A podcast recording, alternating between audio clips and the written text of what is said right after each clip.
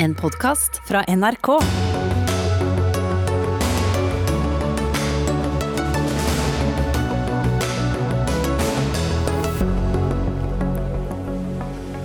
Nå starter riksrettssaken mot Donald Trump. Få tror han blir dømt, men landets politiske landskap kan bli forandret. Legemiddelindustrien er en katastrofe for rettferdig fordeling av koronavaksinen, mener Leger uten grenser. Det er vi som gir verdenssamfunnet tryggheten tilbake, svarer industrien. Mor som begrep kan bli byttet ut med fødeforelder i ny barnelov, ifølge statlig utvalg. Galskap, mener Senterpartiet. Og vekk med all ulv, roper Senterungdommen i partiprogrammet for første gang. Hårreisende og groteskt, svarer MDG. Ja, Det er noen av sakene i Dagsnytt 18 denne tirsdagen, der vi også tar en runde på hvordan norske løpere kan bli brukt politisk av Kina under OL neste år. Men vi starter i eh, USA og i Washington, for nå starter altså riksrettssaken mot Donald Trump. Han anklages for å hisse opp til opprør. Og Veronica Westrin, du er i eh, Kongressen eh, som vår USA-korrespondent. Hva er det som skjer bak lukkede dører ikke langt fra deg?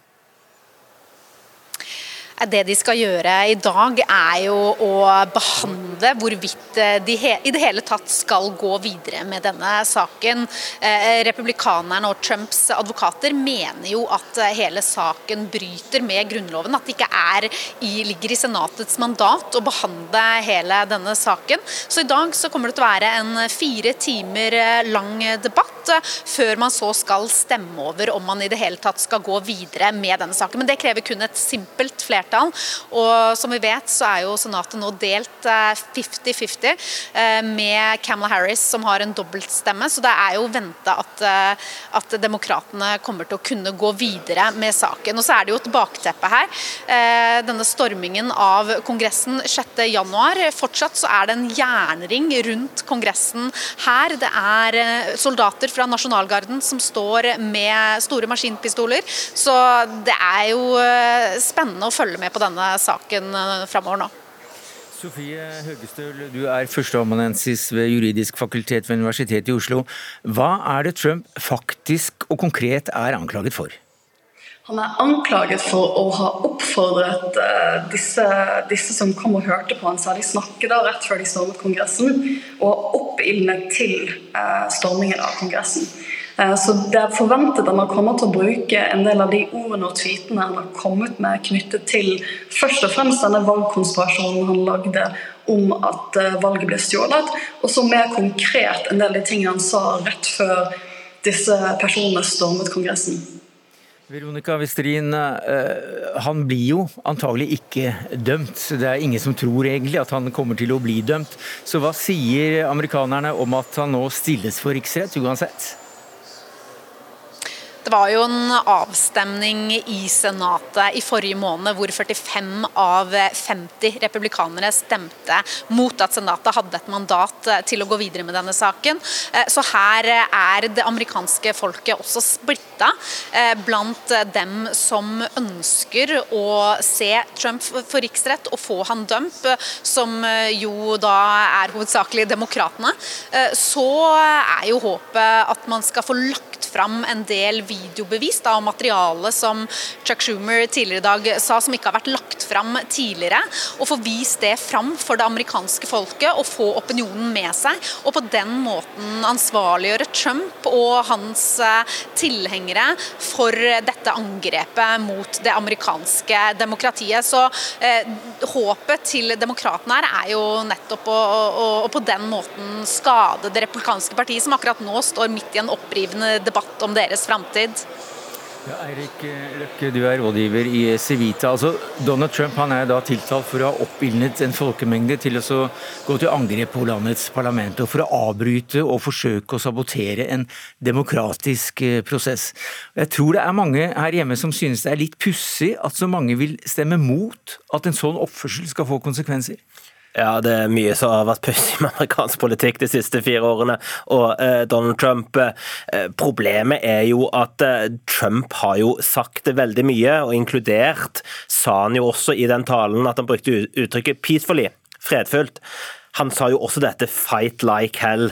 Og så er jo spørsmålet hvor mye bokstavelig skal du ta det her? Altså figurativt språk. Det er jo mange som bruker uttrykket 'kjempe', altså litt sånn krigslignende retorikk. Og republikanerne er jo veldig opptatt med å påpeke alt det demokratene har sagt eh, de siste årene. Jeg syns ikke alt akkurat det er sammenlignbart, men det er klart at man kan jo utlegge argumenter på begge sider her. Men klart, eh, hvis det nå skulle bevises, eller hvis man nå mener at Trump er skyldig i å ha oppfordra vold, så er det jo klart at da, da, vil man jo dømme. Problemet er jo at eh, veldig mange republikanere ser seg jo tjent med ikke tolke det på den måten. Ja, For det er riktig, slik eh, jeg oppfattet det, at det er svært, svært få som tror han blir dømt.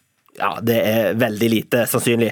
Simpelthen fordi at eh, de republikanske velgerne fremdeles står bak eh, Trump i ganske store tall. De er ikke like høye som de var før 6.1, men de er ennå store nok til at særlig de senatorene og kongressmedlemmene som skal ut på gjenvalgsforsøk i 2022, risikerer ganske mye om de skulle gå mot eh, Donald Trump. Så det sikreste er å fokusere på andre ting, og så stemme mot at han skal bli dømt i Senatet. Men eh, Sofie Høgestøl, du følger jo godt med på hva som er eh, juridiske eh, retningslinjer her. Hvorfor er dette en interessant rettssak således? For Det koker jo egentlig ned til en grunnlovstolkning, først og fremst. Første spørsmål er jo kan man stille en ekspresident for riksrett.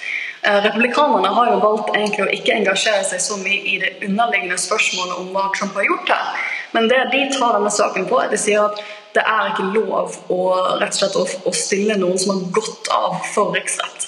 Eh, så det vi kommer til å egentlig se i dag, det er en fire timers debatt om god gammeldags grunnlovsjuss. Så det syns jeg som jurist er ganske spennende. Eh, nå er det jo de aller fleste jurister mener jo at det er mulig å stille tidligere tidligere embetsfolk for riksrett. Man har stilt en gang før en eks-statsråd for riksrett. Så det er jo, det kommer vi nok til å høre litt om i dag. Men det andre interessante spørsmålet er jo at hvis du så kan stille en eks-statsråd eller eks-president her da, for riksrett, kan du da også fradømme deg muligheten til å stille til gjenvalg? Det er jo det demokratene sier at de ønsker å gjøre. Og hvis du kan det, hvordan skal den prosessen være? Og Det er også uklart i Grunnloven, så her kommer vi nok til å se en del diskusjoner rundt grunnlovstolkning som, som jeg syns er spennende. Men eh, Det betyr at eh, til syvende og eh, sist så kan det havne opp i, i Høyesterett, som også Trump var med på å, å ordne opp slik at det var svært mange konservative som kom inn på slutten? Ja, jeg, jeg, tror ikke nødvendigvis det kommer til å gå helt til Høyesterett. Jeg tror at det som det blir lagt til opp til nå, er at i dag kommer de til å ha en fire timers diskusjon om Senatet har jurisdiksjon, som er en litt sånn pen juridisk måte å spørre om har Senatet lov etter Grunnloven til å stille han for riksrett. Så kommer man til å ha en avstemning. Man forventer at den avstemningen vil gå i favør at man kan stille han for riksrett, fordi at demokratene har flertall. Og så etter det så vil partene bruke 16 timer hver på å fremlegge sakene sine. Og så vil man antageligvis gå på en avstemning på om man skal dømme han eller ikke. Så jeg tror ikke nødvendigvis slik saken står nå, at, at man kommer til å ta disse tolkningsspørsmålene opp for Høyesterett. Men eh, allikevel, selv om alle da sier at han ikke blir dømt, og selv om det er forholdsvis forutsigbart hva som kommer til å skje f.eks. I, i Dagløkke, så er altså interessen svært stor, og dere som eh, kan Amerika, USA en del, dere har jo en liten julaften nå igjen. Hvorfor, hvorfor det? Rett og slett fordi at eh, Trump er noe særegent i eh, amerikansk politikk, og riksrett tilhører tross alt sjeldenhetene. Trump er den første presidenten som ble stilt til riksrett to ganger. Tidligere så er det jo kun Bill Clinton og Andrew Johnson tilbake i 1865 som blitt stilt for eh, riksrett. Og det er klart at dette har jo veldig eh, stor betydning rent historisk og eh, politisk. Og så er det jo riktig at det, det er mye interessant juss her, men riksrett er til syvende og sist en politisk prosess. Så eh, man kan utlede på begge sider at det er lov, eller at det etter Grunnloven kan stille en president som er gått av, og at man ikke kan gjøre det. Men det er de politiske betraktningene her som kommer til å avgjøre. Ja, Men hvordan kan da dette bli interessant også for det politiske landskapet framover i USA? Det pågår jo en åpen borgerkrig nå i det republikanske partiet. Og prosessen med riksrett nå vil jo gi et lite innblikk i hvor det republikanske partiet har tenkt å gå videre. I begynnelsen så så vi jo, eller i begynnelsen rett etter 6. januar, og når den riksrettsprosessen starta, så var jo Mitch McConnell, som er leder for republikanerne i eh, Senatet, var jo mer positiv til å stille Trump til, eh, til, til riksrett, og sågar også ikke utelukka å dømme. Nå er det litt mer eh, tvilsomt. Så det har vist seg at mange trodde at etter stormingen av Kongressen, så ville eh, Donald Trump tape. Men som vanlig så har man tendens til å undervurdere hvor populær eh, Trump er. Så mitt tips er at de som støtter Trump, det er de som kommer til å gå seirende ut av denne borgerkrigen i det republikanske partiet. Ja, du skriver i en eh, kommentar i nrk.no at denne saken på mange måter handler om det republikanske partiets framtid. Veronica Westrin, hvordan da? Nei, Det er jo som eh, vi hører her en pågående debatt nå i det republikanske partiet, hvor det er krefter som forsøker å skyve partiet ytterligere til høyre, eh, helt på ytterste høyre fløy. Og så har du da disse modera mer moderate kreftene som forsøker å eh, gjenetablere det gamle republikanske partiet. Det har vi sett utspille seg nå eh, over flere uker ved bl.a. den siste avstemning nå forrige forrige uke om Marjorie Margaret Taylor Green, som eh, har tidligere støttet konspirasjonsteorier som, Trump, eh, som, som tilhører Trumps fløy, og da Liz Cheney som står på den andre siden og, og, og, og taler for dette gamle republikanske partiet. Og som vi hører her, altså det er jo etter all sannsynlighet så kommer Trump altså som første president i historien til å bli frifunnet av, i en riksrettssak to ganger. Forrige gang så sa jeg at jeg trodde han kunne kommet styrket ut av prosessen. Da var man midt eh, i en valgkamp. Eh, nå tror jeg han eh, derimot kan komme skadelidende ut av det. Han har ikke mye å tjene på den saken, og det replikanske partiet har overhodet alt å tjene på å få dette til å bli en kort prosess. og Det er mm. derfor vi kommer til å se replikanerne i dag stemme mot å gå videre med denne prosessen. Men dette er en politisk prosess, den kommer antageligvis til å fortsette. Eh, og så kreves det da til slutt et to tredjedels flertall for å få eh, Trump dømt, og det er det ingen grunn til å tro at han kommer til å bli. Og Det er jo viktig for fremtiden til republikanske partiet at de får avslutta denne saken fortest eh, mulig. fordi at Det kommer til å bli lettere for det republikanske partiet hvis de igjen kan konsentrere seg om demokratene og Joe Biden. Eh, og De kan legge litt lokk over den konflikten som nå pågår, hvis de har en ytre fiende. Og Sånn sett så tjener jo demokratene og Biden som et godt mål i, i, i så måte. Så så lenge republikanerne er i opposisjon og kan konsentrere seg om en felles fiende, så er det ikke sikkert at vi får en endelig avslutning av denne konflikten mellom de tradisjonelle tradisjonelle republikanerne og trumpistene, for å bruke det uttrykket. Biden selv skal ha uttalt at han ikke er noe særlig interessert i at det blir en riksrettssak? Han har jo alt å tjene på sin egen agenda, eh, og de 100 første dagene for en president de er utrolig viktig. og Det å måtte bruke politisk kapital på Trump, det er negativt for Biden. Så i det private så håper han nok at dette går fort over, men han har jo offentlig uttalt at dette er opp til Kongressen, og noe annet kunne han egentlig heller ikke uttale. Men eh, det er jo da et lite paradoks i at eh, presidenten jo maner til, til samling og enighet, eh, og så går partiet inn for en riksrettssak? Ja, Det kan jo fremstå som et uh, paradoks uh, og balansegangen mellom å samles og det å stille uh, president Trump ansvarlig for sine handlinger, den kan jo være hårfin. og Det er mange som mente at de burde ja, vært forsiktige med å gå videre og, og, og stille Trump for riksrett. Men, men, på den annen side, hvis man ikke skulle holde presidenten, altså president Trump ansvarlig for å oppfordre til vold, hva i all verden skulle man da bruke riksrettsverktøyet til? Så jeg tror at Biden Biden forsøker å samle landet utover det han nå har gjort med Trump, men at man samtidig vil sende klart signal til framtidige opptredener for presidenter at dette er ikke OK oppførsel. Takk skal du ha, Eirik Løkke, rådgiver i Civita, til Sofie Høgestøl, førsteamanuensis ved Universitetet i Oslo, og til deg, Veronica Westrin, vår korrespondent i Washington.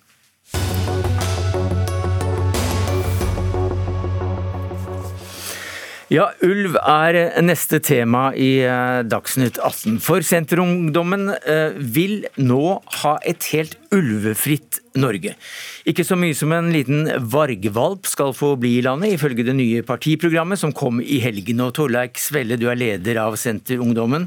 Vi har sett deg avbildet med er det ulvepels rundt deg? Nå har du ikke den på det, studio. altså. Men det er en veldig god jakke når det er kaldt i Norge. Men dere mener også at det er bedre å skyte ulven enn å frakte den hit og dit, skriver dere i en pressemelding. Hva er det du mener? Jo, Først og fremst så mener jeg jo at vi nå står ved et veiskille i norsk ulveforvaltning. Fordi den eh, bestanden vi har i Norge nå, den, det er på en måte såpass mye at det skaper mye uro og mye utrygghet for en del folk, men den er fortsatt veldig innavla. Eh, og jeg tror at vi nå trenger å ha en debatt hvor vi må finne ut om vi skal firedoble den stammen, sånn som flere mener at vi trenger hvis den skal bli bærekraftig, eh, eller om vi må ta den ned. Og da mener jeg at vi må ta den ned. Ja, ta den ned, ikke ja, bare ta den ned. null, ja. Ta, Ja. ta den ut, faktisk. Yes. Ja. Eh, Og så må jeg også si at, for at I den debatten her så hører man ofte det at ulven er eh, trua og utrydningstrua. Eh, og Det syns jeg er veldig rart, fordi ulven i Norge den er jo ikke norsk, den er finsk-russisk. Eh, Og det finnes massevis av den eh, ulven rundt omkring, både i Sverige, Finland og Russland. Så den er veldig langt fra trua, og heller egentlig ikke en art som naturlig hører til her i landet. Ulrikke Torgersen, du er førstekandidat i Stortinget for MDG i Rogaland, og du kaller dette for både hårreisende og groteskt. Hvorfor det? Dette er hårreisende lavmål fra Senterungdommen, og faktisk å foreslå å utrydde en art. Ikke bare dette forslaget i strid med, med norsk lov, det er òg strid med internasjonale forpliktelser, og det er òg naturstridig. Ikke minst så er det, strider det mot sunt folkevett, fordi akkurat nå så står vi i en dramatisk masseutryddelse av arter. Og siden programlederen ble født, så har jordens dyreliv blitt mer enn halvert. Så dette forslaget det vitner om en kunnskapsløshet og mangel på respekt overfor naturen, men føyer seg dessverre inn i en trist rekke av naturstridige forslag som kommer fra Senterpartiet og Senterungdommen. Vi står nettopp midt oppe i naturkrise, og det må Senterungdommen ta inn over seg. Ja, altså Først så vil jeg si at det er veldig mange som føler på mye utrygghet knytta til den ulven vi har i landet. Eh, Folk ser ulv som går der unga deres går til eh, skolen. Eh, Folk opplever at den er nærgående rundt hus, og det skjønner jeg veldig godt at folk syns er ubehagelig. Og, og, og det må vi du, jo du ble angrepet alvor. både Altså. for ikke å, å, å skjønne vanlig folkevett eller folkerett. Jo, men hele Poenget her er at den ulven som vi har i Norge er i utgangspunktet ikke norsk. Det er en finsk-russisk ulvestamme. og eh, så er det jo også sånn at Den ulven som er i Norge har vært utrydda på et eh, tidspunkt. Det finnes ingen norsk eh, ulvestamme. Og Da mener vi at det er mye viktigere nå å høre på de som opplever mye utrygghet i hverdagen knytta til ulv. Ja, det At ulven er ikke norsk, det er litt det dummeste jeg har hørt. fordi at Vi har hørt ulv her i mange hundre år. og det Å si at ulven er ikke norsk, det er som å si at poteten ikke er norsk fordi han kommer fra Sør-Amerika. Eh, og så har jeg forståelse over de som er, er redde, men det skremselsbildet som Senterungdommen maler opp her, tar, er ikke i rot med virkeligheten. Og Ulven er sky, og på 200 år så har det kun vært ett menneske som har blitt registrert tatt av ulv. Og I tillegg er det flertall blant folk flest for å beholde ulven også i rovdyrfylkene. Og Det finnes gode måter å drive landbruk på samtidig som vi bevarer ulven, men det virker ikke som Senterungdommen har lyst til å finne disse løsningene. Men uansett så viser dette bare hvor uansvarlig dette forslaget er. For det som er den aller største trusselen mot barns trygghet og barns fremtid, er nettopp klima- og naturkrisen. Og det må dere begynne å ta over dere.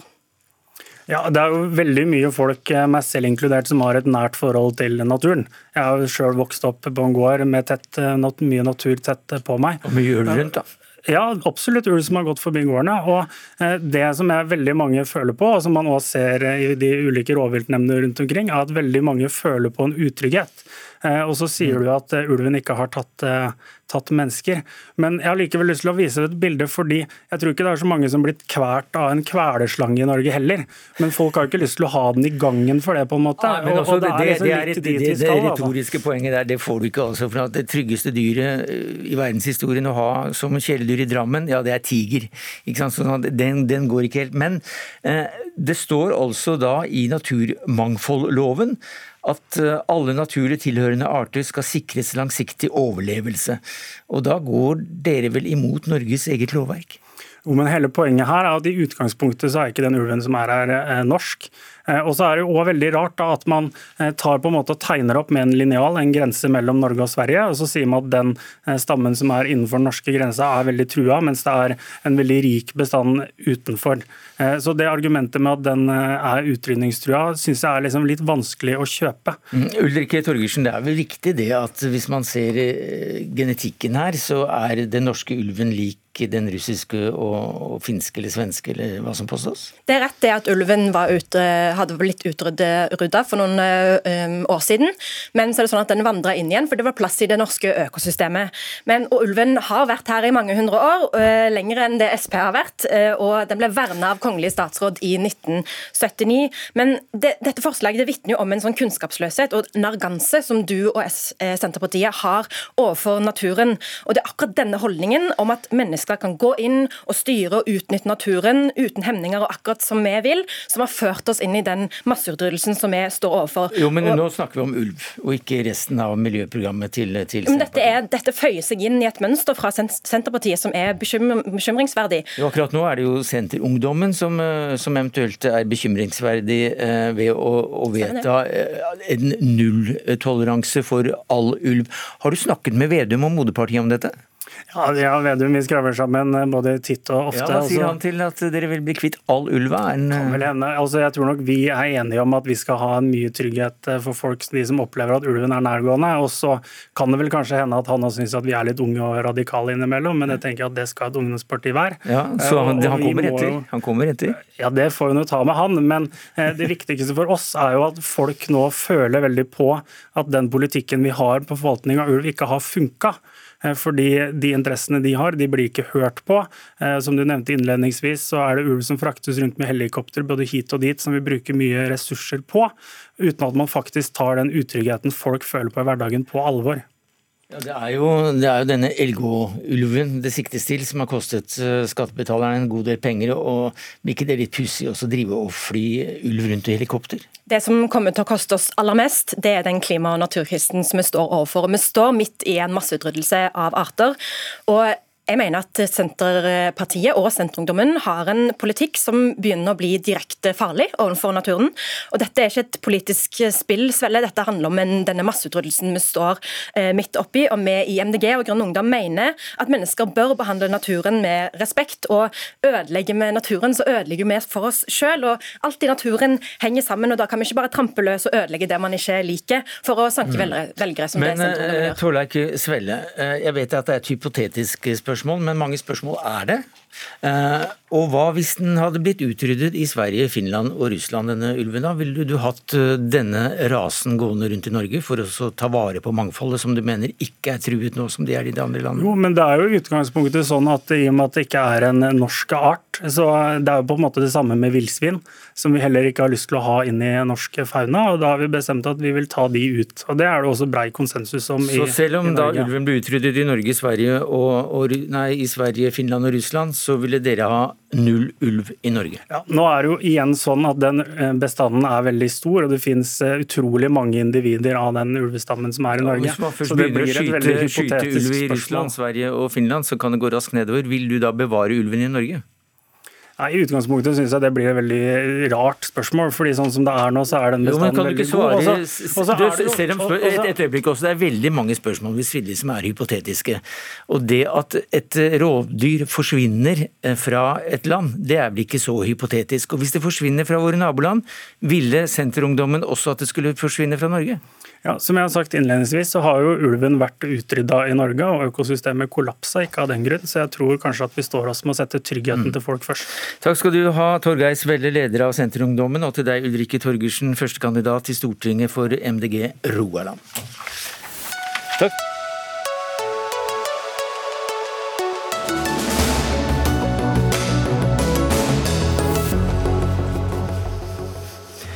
Ja, Mens vi hjemme her kan okke oss over at vaksineringen eh, går tregere enn vi ønsket her i landet, så, eh, og vi har jo tatt en del debatter om det, så er det også andre som ikke vil se en dråpe av sorten kanskje på flere år.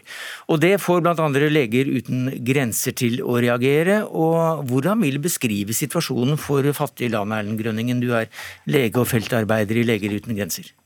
Jeg skulle gjerne sitte her sammen med Karita Bekkemellem om Røttingen på, på telefon og, og hatt dette her som en festens dag, hvor de flinke vitenskapsfolkene som representeres gjennom Carita her og legemiddelindustrien hadde forsket frem vaksiner, og vi gjennom internasjonale solidaritetsinitiativ hadde fått sørget for en rettferdig distribusjon av vaksinen. Men dessverre så er vi jo ikke helt der, da. Vi ser jo at Vesten gjennom vaksinenasjonalisme har inngått bilaterale avtaler og kjøpt opp rubbel og bit av vaksiner. Og vi ser at de fattige landene i verden står utenfor, nærmest uten tilgang. F.eks. Malawi. Hvor, hvordan er situasjonen der når det gjelder antall doser som er kommet og hvordan de blir distribuert? Ja, Det vi har informasjon om er jo at det er null. Og Dette er jo bekymringsfullt. for det, Dette her er jo da naboland eh, fra Sør-Afrika. og Viruset har nå begynt å spre seg da i det samme området som hiv-aids eh, historisk spredde seg. da. Og Det er viktig å ha med i bakteppet her at dette er jo da land som har veldig liten motstandsdyktighet. Dvs. Si at de kan ikke stenge ned uten at det får katastrofale eh, konsekvenser for økonomien. Folk eh, risikerer da å falle ut i ekstrem fattigdom, og helsevesenet mm. vil ha problemer med å levere så enkle ting som oksygen. Så sier du da, eller skriver i, i, Dagbladet at legemiddelindustrien er en katastrofe når det gjelder en rettferdig fordeling av koronavaksinen. Ja, og det er jo viktig å presisere at det er jo ikke legemiddelindustrien som skal ha ansvaret for å fordele vaksinen, det er det jo ansvarlige folkevalgte politikere. Det er jo ikke sånn at Carita er jo ferdig med sin eh, politiske karriere og skal ikke stille til valg. Det skal politikere. De skal kunne holdes ansvarlig og skal da, eh, da, få muligheten til å, å, holdes ansvarlig gjennom valg. Ja, for, for Carita Bekkemellem som du stadig snakker til, og som sitter her ved siden av oss. Eh, hun er altså da direktør i legeindustrien legemiddelindustrien, heter det. Eh, og det er også hun du går til angrep på i ditt, eh, i ditt, svar til Dagbladet, og sier at legemiddelindustrien er en katastrofe for rettferdig fordeling av vaksinen. Og ja. Da får du svare på hvorfor du mener ja, det. Per nå så er Det jo da, det vi har sett nå er jo at man trodde at man skulle ha internasjonale mekanismer hvor vi skulle fordele vaksiner solidarisk. Men det man parallelt så, var jo at de rike landene i Vesten hovedsakelig da inngikk bilaterale avtaler og sopte til seg dette her. Og da kan man si at eh, hvis, hvis, man da skal eh, hylle dette som en suksesshistorie, som Bekkemellem gjorde i sitt eh, innlegg, så skulle jo også industrien ha sørget for at kontraktene var solidariske. At det var sørget for en distribusjon, sånn at også de fattigere landene fikk tilgang på vaksinen i første omgang. Sånn er det ikke i dag. Karita Bekkemellem, også administrerende direktør i legemiddelindustrien. Hva sier du til det? For det første vil jeg si til Leger uten grenser at fokuset på fattigdom eh, er viktig, og der støtter vi opp i de ulike tiltakene som Leger uten grenser kommer med. Er det, men, er det en katastrofe men, men, for rettferdig fordeling av koronaindustrien? Men det som skjer i det svarinnlegget som Leger uten grenser har, det er jo rett og slett at det kommer med en del konspirasjonsteorier. Ikke kun mot legemiddelindustrien, som i seg selv er oppsiktsvekkende, men òg egentlig mot hele demokratiet vårt. Og det er jo påstander som om at legemiddelindustrien de er så mektige at vi har ikke kun Bent Høie-lomma, men òg hele det mektige Folkehelseinstituttet. Eh, og den påvirkninga den må nesten dokumenteres. Og jeg synes òg at det er litt sånn, jeg har lyst til å spørre litt Leger uten grenser på hva er motivasjonen egentlig for å gå til sånn frontalangrep i en krisesituasjon som verden aldri før har opplevd. Hver eneste kveld så får vi i TV-skjermen bilder fra sykehus der pasientene holder på å dø. Vi ser at helsearbeidere over hele verden er utsatt for en enorm belastning.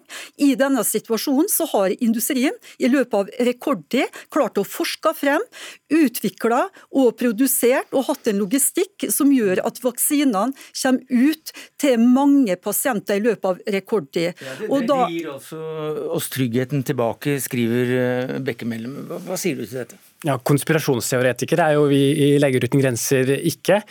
Eh, vi vant bl.a. Nobels fredspris for vår eh, evne til å tale makta rett imot og snakke om humanitære behov, også blant fattige folk i verden. Og dette her som vi er preget av, er jo vår historikk. Historikken vår når det gjelder tilgang på medisiner, begynner med hiv-aids-krisen på, på midten av 90-tallet fram til starten av 2000-tallet. Hvor det da var realiteten Carita Bekkemellem, at patentrettighetene til legemiddelindustrien gjorde at prisen på hiv-aids-medisiner var satt til 10 000 dollar om dagen og Det er estimert at 11 millioner afrikanere sør for Sahara døde, mens prisen var så høy. Ikke før man begynte å produsere kopimedisiner, gikk prisen ned til en dollar om dagen. Det er vår historikk. Vi ser at patentrettigheter er til hinder for tilgang på hepatitt C-medisiner, tuberkulosemedisiner, og vi ser det nå igjen med covid-19. Det Dette er samme gamle, sure jo, viser jo, om igjen. Det er ikke konspirasjonsteorier, det er realiteter. Men det er ingenting i veien i dag for at nasjonale myndigheter kan ta et ansvar for å produsere medisiner sjøl. De har muligheten til å gå inn i partnerskap med industrien for å kunne få mer bærekraftige leveringssituasjoner i enkelte krisesituasjoner. Og Det betyr jo ikke at industrien er nødt til å bære hele dette her ansvaret alene. Vi gjør dette her i fellesskap. og Grunnen til at vi nå har klart å fått opp den form for vaksinasjon med en større dekningsgrad enn det mange faktisk har klart å håpe på i løpet av, eh, av for kort tid tilbake. Ikke bare Nei, men Det handler om at du må ha trygghet for distribusjon. Disse vaksinene her må også ha en trygghet i forhold til temperatur, og det er jo en del av utfordringa. Afrika har nå fått over 1 milliard doser vaksiner, og det vil komme til å komme mm. flere. Ja, Det er noe nærmest rørende over at Karita Bekkemellem her sitter som eh, representant for legemiddelindustrien og skisserer løsninger for lav- og middelinntektslandene. 100 lav- og middelinntektsland støtter et forslag i TRIPS-rådet i Verdens handelsorganisasjon om å se bort fra patenter under pandemien.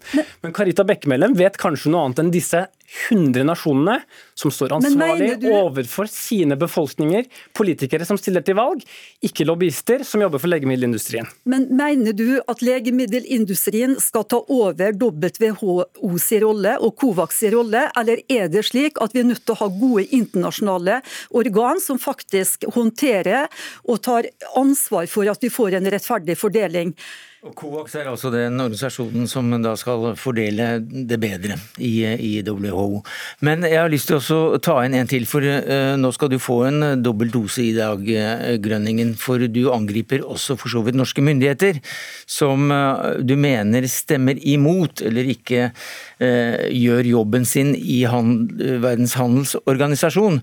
For der er det også en viktig mekanisme, nemlig dette med patent og, og rettigheter, som hindrer da f.eks Sør-Afrika og India til å, til å, lage sine egne medisiner. Og Hva slags ansvar har da norske myndigheter oppi dette? Ja, Her er det jo dette eh, forslaget i TRIPS-rådet igjen, da, hvor eh, man da er avhengig av konsensus. At ja, TRIPS-rådet, det må du nesten ganske Ja, vi kan si det ganske enkelt at dette er dette et råd i Verdens handelsorganisasjon hvor man diskuterer da patentrettigheter, ganske for, forenklet. Eh, og Det som er foreslått der av lav- og middelinntektslandene, er at man ser bort fra patenter under covid-19-pandemien, slik at da land har muligheten for å produsere det de trenger. Slik man gjorde da under eh, aids? Eh. Men da Bekkemellen pekte her på en annen, annen mekanisme, tvangslisensiering. At, at myndighetene går inn og produserer det de trenger. Det går ikke. for det er fra for case for case, altså det, Hvis man da kan skissere Sør-Afrika, hvis de hadde gått inn og tvangslisensiert og produsert AstraZeneca-vaksinen, som nå kanskje viser seg å være ikke virksom, så ville de fått problemer. Denne, uh, dette forslaget i TRIPS-rådet tar makten tilbake til politik politikerne. De skal stå til ansvar for sine befolkninger, hvilke tiltak de gjør for å sikre sine befolkninger. Og Hvordan har Norge oppført seg i det rådet? Ja. Eh, WHOs generalsekretær han uttaler nå at verdens respons den avhenger nå av få individer, av industrien. Det vi opplever av Norge, er at man ikke støtter forslaget. Man er med og obstruerer. Man er med og obstruerer sammen med resten av Vesten. Og dette er jo en enorm dobbeltmoral. Dette er de samme landene som har hatt bilaterale foravtaler med industrien, som har sikret seg selv, og som samtidig da holder verdens fattige utenfor. Hva sier du til dette, Jon Arne Røttingen? Du er global helseambassadør for Norge. Du er eh, igjen sendt ut av Utenriksdepartementet for å forsvare Norges ære i, i denne saken. Jeg sier at det, For det første så er vi jo veldig enige i utfordringen med å sikre nå en global utrulling av vaksiner. Og, og det er helt riktig det som sies fra Leger uten grenser, at vi er på et sted hvor vi helst skulle ikke være. Vi ønsker en mye mer utbredt utrulling. Jo, men så var det den og så er det, ja, jeg, jeg, la hvor, men, ja, men du, jeg vil at du skal komme til poenget litt raskt, for at tiden går her. Altså, Hvorfor støtter ikke Norge eh, det initiativet fra Sør-Afrika og India bl.a. om å se på disse patentordningene for å få fortgang i produksjonen og gjøre det billigere? Fordi vi er opptatt av å eh, finne de løsninger som raskest kan gi eh, økt produksjon. I dag hadde vi det fjerde møtet i fasiliteringsrådet for eh, ACT A, altså den felles globale samarbeidet som inneholder også COVAX, som handler om viderefordeling av vaksiner. Og I det møtet så var det mange talere, inkludert vår egen statsråd Ulstein, som tok opp behovet for å stille tydeligere krav til industrien på teknologioverføring og samarbeid. Eh, og reelt sett eh, gjennomføre det. To vaksineselskaper var i møte og nettopp demonstrerer hvordan de har gjort eh, teknologioverføring til både India og Sør-Afrika. Rapporter vi får viser at all produksjonskapasitet som er nettopp i India og Sør-Afrika, brukes nå der det er mulig for også covid-19-vaksiner. Jeg hører også med eksperter på vaksiner og vaksineutvikling i Sør-Afrika at de vil ikke ha mulighet til å kunne etablere helt ny produksjon fra scratch innenfor et tidsvindu på mindre enn to år. Nei, da, da, det er ganske urealistisk. Altså, ja, Leger uten grenser er en organisasjon som er veldig flink Som er lege og feltarbeider i Leger uten grenser, og som retter kritikken bl.a. med norske myndigheter for å stanse denne prosessen. Men når du nå hører, øh, når du nå hører Røttingen fortelle hva de faktisk gjør i dette rådet, så høres det fabelaktig fint ut? Ja, det er jo noe nesten rørende her. at Jon Arne Røttingen er jo en meget kvalifisert mann. Men Jon Arne Røttingen han er en byråkrat. Han skal ikke stille til valg i noen av disse landene her. Karita Bekkemellem skal heller ikke stille til valg i disse landene her. Nei, men Det er hva Norge det, gjør i dette. Det, men det er, et øyeblikk, det er, det er jo det Norge gjør i denne forsamlingen, som du har kritisert. Men du hører jo at Norge støtter på mange måter disse landene. Ja, det, det, er jo ikke det disse landene uttaler etter møtet for eksempel, som var i Tripsrådet 8.2. 8. 8. februar. Da uttaler jo Sør-Afrikas representant eh, i notatene vi får at vi ikke skal undervurdere de, og hva de er i stand til på egen hånd, hvis man får gjennom denne waiveren eller patentforføyningen i TRIPS-rådet. Men hva, du, hva, slags utfordring har du til, til representanter for Utenriksdepartementet, da, Jon Arne Røttingen? Har, utfordringen vår er til politikerne. Ja. Det er politikerne men, men, som skal stå til ansvar, ikke her, Røttingen. Jo, han, han, representerer her en slags politiker. Han men, er sendt ut av UD for å svare på dine spørsmål. Ja, Røttingen stiller ikke til valg. Han er en byråkrat. Han kan ikke stilles til ansvar av, av indiske eh, befolkningen for hva som foregår i TRIPS-rådet. Sørafrikanerne heller ikke. Og det er noe nærmest rørende av at en norsk byråkrat vet bedre hva Sør-Afrika skal gjøre for å løse sin krise, bedre hva inderne skal gjøre for å løse sin krise, enn politikerne i disse landene som støtter denne TRIPS-veveren? Ja, Leger uten grenser er en utrolig viktig organisasjon som bruker kunnskap, bruker forskningsbasert informasjon for å levere helsetjenester på bakken, og er pragmatiske og løsningsorienterte. Det er ganske forstemmende beklageligvis, at de er så lite orientert om hva som skal til for i praksis å finne gode løsninger. Eh, det er eh, rett og slett å skyte på feil løsning og, gå i feil retning eh, og prøve det som Leger uten grenser gjør nå. De trekker paralleller tilbake til hiv-aids-situasjonen, som var helt reell. En helt annen situasjon. Det vi snakker om nå er vaksiner som har en pris mellom 1 til 10, kanskje opp mot 30 dollar per dose. Uh, utgangspunktet så er de laveste prisene der det er kostnadspriser. altså Det er det samme det koster å produsere som vi betaler for vaksinene. Vi har en helt annen situasjon. Det er et samarbeid mellom legemiddelindustri og myndigheter.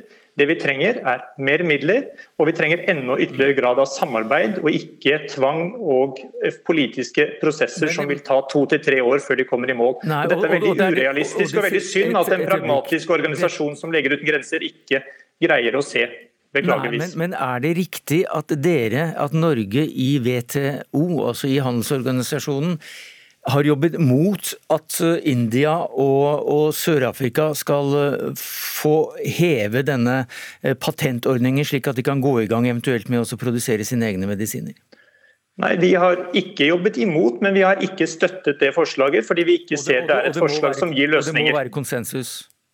Det må være konsensus, og det er altså eh, representanter for fagmiljøer i de samme landene som ser at dette ikke er de beste løsningene. Og vi ser heller ikke dette komme opp som en løsning når vi drøfter med Sør-Afrika i Fasiliteringsrådet, som hadde møte i dag. Men til, altså, Du har jo sagt til Bistandsaktuelt at eh, det store gapet mellom vaksiner som er nå i vestlige land og f.eks. i store deler av Afrika, ja, det er veldig bekymringsfullt. Og Bistandsaktuelt har regnet ut at 7% av befolkningen i fattige land kommer til å være vaksinert eh, før sommeren sommeren, mens eh, det er vel ikke akkurat eh, hva man regner med i, i, i vestlige land. Så, så, noe må jo være galt? Absolutt. og er Noe er tilfeldigheter. fordi De vaksinene som var de mest risikofylte, som ikke vi turte å satse på gjennom det internasjonale samarbeidet, de var de som viste seg å raskest bli utviklet og bli dermed tilgjengelige. Det var litt uflaks, rett og slett, fra et sånn globalt helseperspektiv, men samtidig en viktig vitenskapelig uh, nyvinning. Det vi gjør nå er å rulle ut eh, de vaksinene som tåler vanlige kuldekjeder, altså det å lagres i Eh, eh, i, kjøleskap og ikke i superfrysere. Eh, og vi ruller ut 1,3 milliarder vaksinedoser i de fattigste landene i verden i løpet av 2021. Men vi skulle helst ha gjort det enda raskere, for vi skulle hatt mer midler for å kunne gjøre det. Du er, beklager at jeg avbryter deg en del her, men du, du sitter på, på, linje på det som kalles for FaceTime, og noe må vi gjøre for å, å, å få inn en, en debatt her. Og Grønningen, det som ligger i det han nå sier, det er at det skjer mye, men så hadde man litt uflaks. Jeg skulle høre jo gjerne på hva Røttingen sier, jeg, og mye av kritikken her som kommer på Leger uten grenser og når det gjelder vår innstilling til vaksiner, er jo uberettiget. Eh, Røttingen er vant til å jobbe gjennom internasjonale fora hvor man ofte er basert på konsensus, og vi ser at dette ikke lykkes. Eh, kopivaksiner, kopimedisiner, har vært helt avgjørende for at vi kan tilby lungebetennelsevaksiner. Hepatitt B-vaksiner, unnskyld, human papillomavirus for livmorhalskreft. De fleste vaksinene vi kan tilby i felt, er rett og slett kopivaksiner. Så at vi på en måte skal få kritikk for at dette eh, ikke er en måte å, å løse dette på, faller på sin egen urimelighet når vi ser at 100 lave middelinntektsland støtter trypsveveren, over 300 sivilsamfunnsorganisasjoner støtter dette. Det er jo nettopp patentregimet som gjør at vi har fått så mange vaksiner på så kort tid.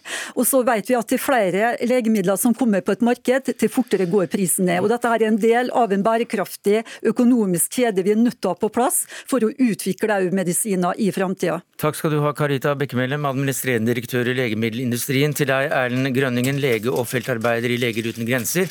Og Jon Arne Røttingen, global helseambassadør for Norge.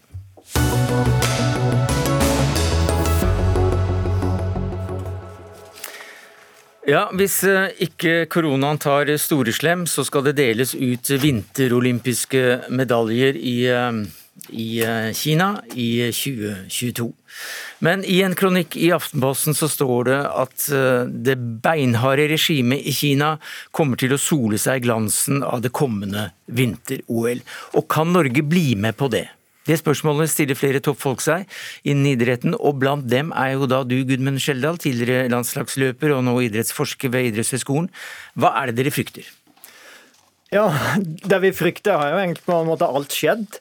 Eh, for det er ikke bare det at idretten kan bli brukt politisk, eh, eller ble brukt politisk for lenge siden i Berlin i 36, eller i Sotsji for bare fire år siden. Men eh, norsk den norske staten og regjeringen Solberg har jo alt inngått et idrettssamarbeid med regimet i Kina. Uten, uten, at idretten i Norge ble spurt, og uten at Øvrebø, som sitter for uh, toppidretten, er blitt sondert eller spurt. Så allerede norsk idrett sauser inn i det regjeringa Solberg eh, er interessert i, å normalisere forholdet til Kina, komme ut av den såkalte fryseboksen og lager nå en frihandelsavtale. Så norsk idrett eh, sauser ned. De har ikke klart å holde fingrene på fatet, eller hvordan noen vil kalle det. Eh, så da blir egentlig et OL i Beijing egentlig jeg kan ikke si toppen av kransekaka, men er liksom eh, ja, Hva skulle du si? Ikke prikken over i-en, da, men, eh, men nå er det ingen plass å gjemme seg for norsk idrett når en ser på hva ja, beinhardt regime Kina er. Og da tenker jeg på ja, Det er jo ikke jeg som kan dette. Jeg bare leser avisene og ser hva som skjer i Hongkong. Jeg ser hva som skjer med uigurene. Eh, det er så mange ting som gjør at den ja, Norsk idrett og Øvrebø burde egentlig miste nattesøvn med tanke på at den skal dra dit neste år. Tore Øvrebø, som det snakkes om her, er, han er toppidrettssjef i Olympiatoppen, og sover du godt om natta? Ja, jeg sover godt om natta eh, generelt. Men pga. dette her? Nei. Eh, nå er det jo slik at eh, jeg svarer jo for en del av idretten. Da, altså Det er deltakelse i de olympiske leker. og Der har vi jo valgt å ha en eh, offensiv holdning til at vi deltar jo i de lekene som blir tildelt. For vårt eh, hovedanliggende er jo å hjelpe utøvere til å kunne prestere optimalt. Uansett? Ja, Det blir jo et sånn politisk spørsmål som ligger på mange måter utenfor oss. Altså, Den norske stat har jo et tett samarbeid med, med Kina, og det er masse handel som foregår med Kina. Men den norske, idretten, veldig... norske idretten kan jo ha et eget standpunkt eh, til slike ting allikevel? Jeg tror ikke vi skal bli politiske aktivister. Vi deltar der som det blir akseptert, og det som blir tildelt. og og, og, Kina er akseptert i verdenssamfunnet som en uh, selvstendig stor nasjonalstat som veldig mange forholder seg til og har, har stort samkvem med. Så vårt uh, hovedanliggende er jo å ta utøverne med dit. Godt informert om hvor de drar hen, det gjør vi alltid. Vi har en tradisjon for at vi informerer om alle alle landene vi skal besøke som eh, olympiske og paralympiske tropper. Det har vi gjort i mange mange år. Vi har hatt statssekretærer, vi har hatt forskere fra Fafo, forskere fra NUPI, som alltid sørger for at utøverne er veldig godt informert om hvilket land de drar til.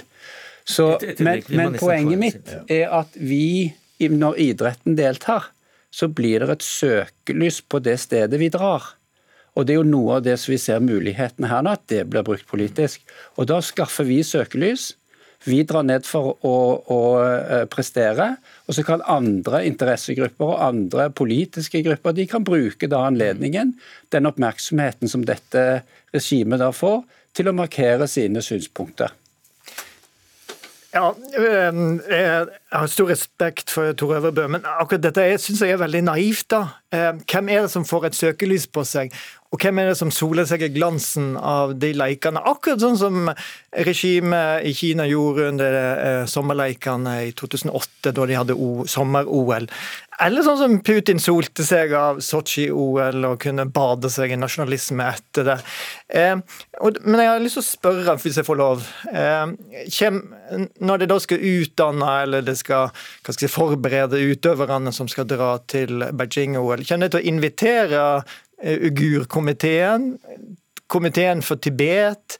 Til å bringe inn de der helt sånn ja, eh, nattesøvnerobrerne eh, vanskelige menneskerettsproblemer. da, som Jo mer en tenker på det, jo verre er det. Og skal utøverne tenke på det, eller skal de ikke tenke på det?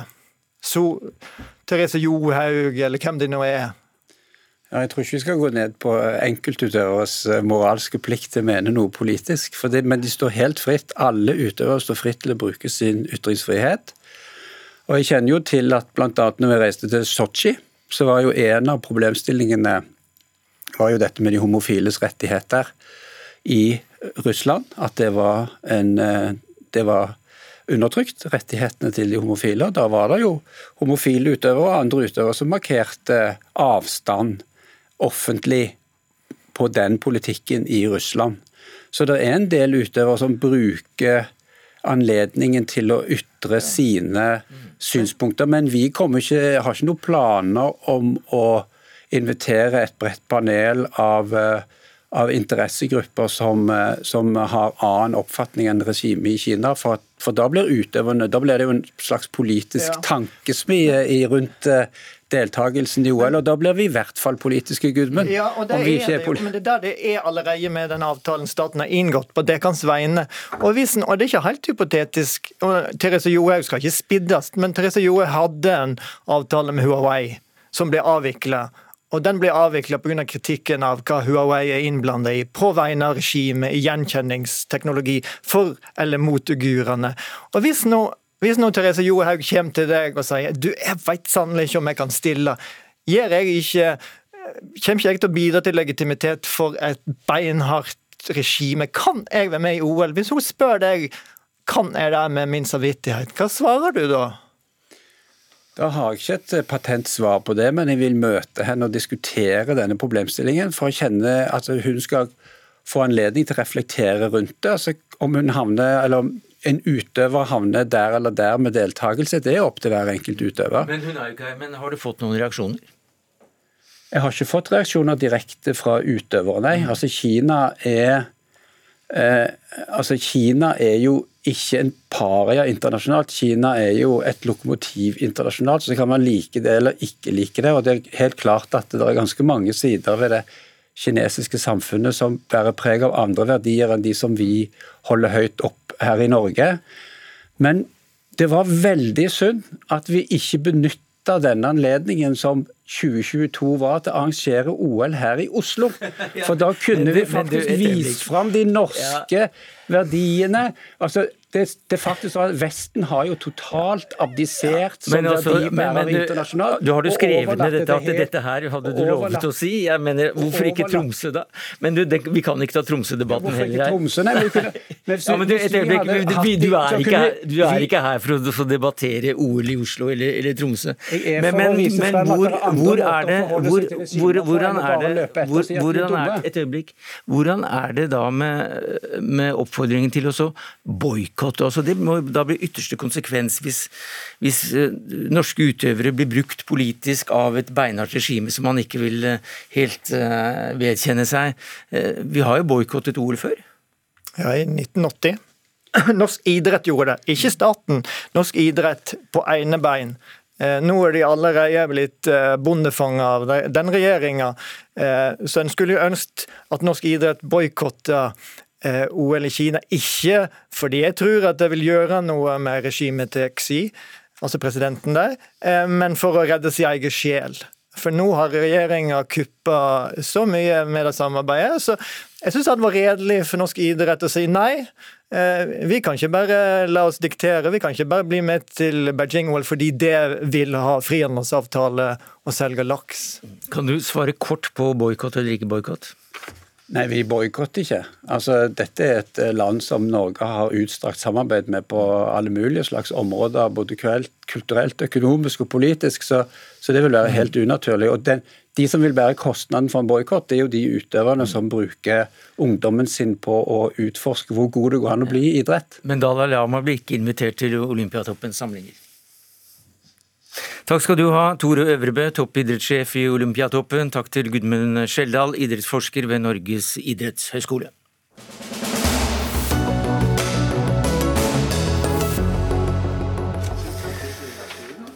Skal vi bytte ut mor med fødeforelder? Et utvalg har sett på en ny barnelov, er iallfall bedt om å vurdere kjønnsnøytrale begreper, og mener fødeforelder er en mulig erstatter for begrepet mor. Og Jenny Klinge, du er stortingsrepresentant for Senterpartiet og justispolitisk talsperson. Hva synes du om det? Nei, jeg synes jo Det er rett og slett galskap hvis en skal slutte å bruke ordet mor og far eh, om det som helt naturlig da er foreldre til unger. Dette det her handler jo ikke om intoleranse overfor folk som føler seg som et annet kjønn enn det de er, men det i høyeste grad så, så dreier det seg rett og slett om at vi som samfunn er nødt til å klare å fortsette å bruke de gode ordene på det det her faktisk gjelder. Inge Alexander Gjesvang, du er leder i FRI, Foreningen for kjønns- og seksualitetsmangfold. Og til Nettavisen så har du skrevet om denne saken og sier at eh, et nøytralt språk det er, det er positivt der det er mulig. Eh, men her hører du at det er ikke positivt, det er galskap.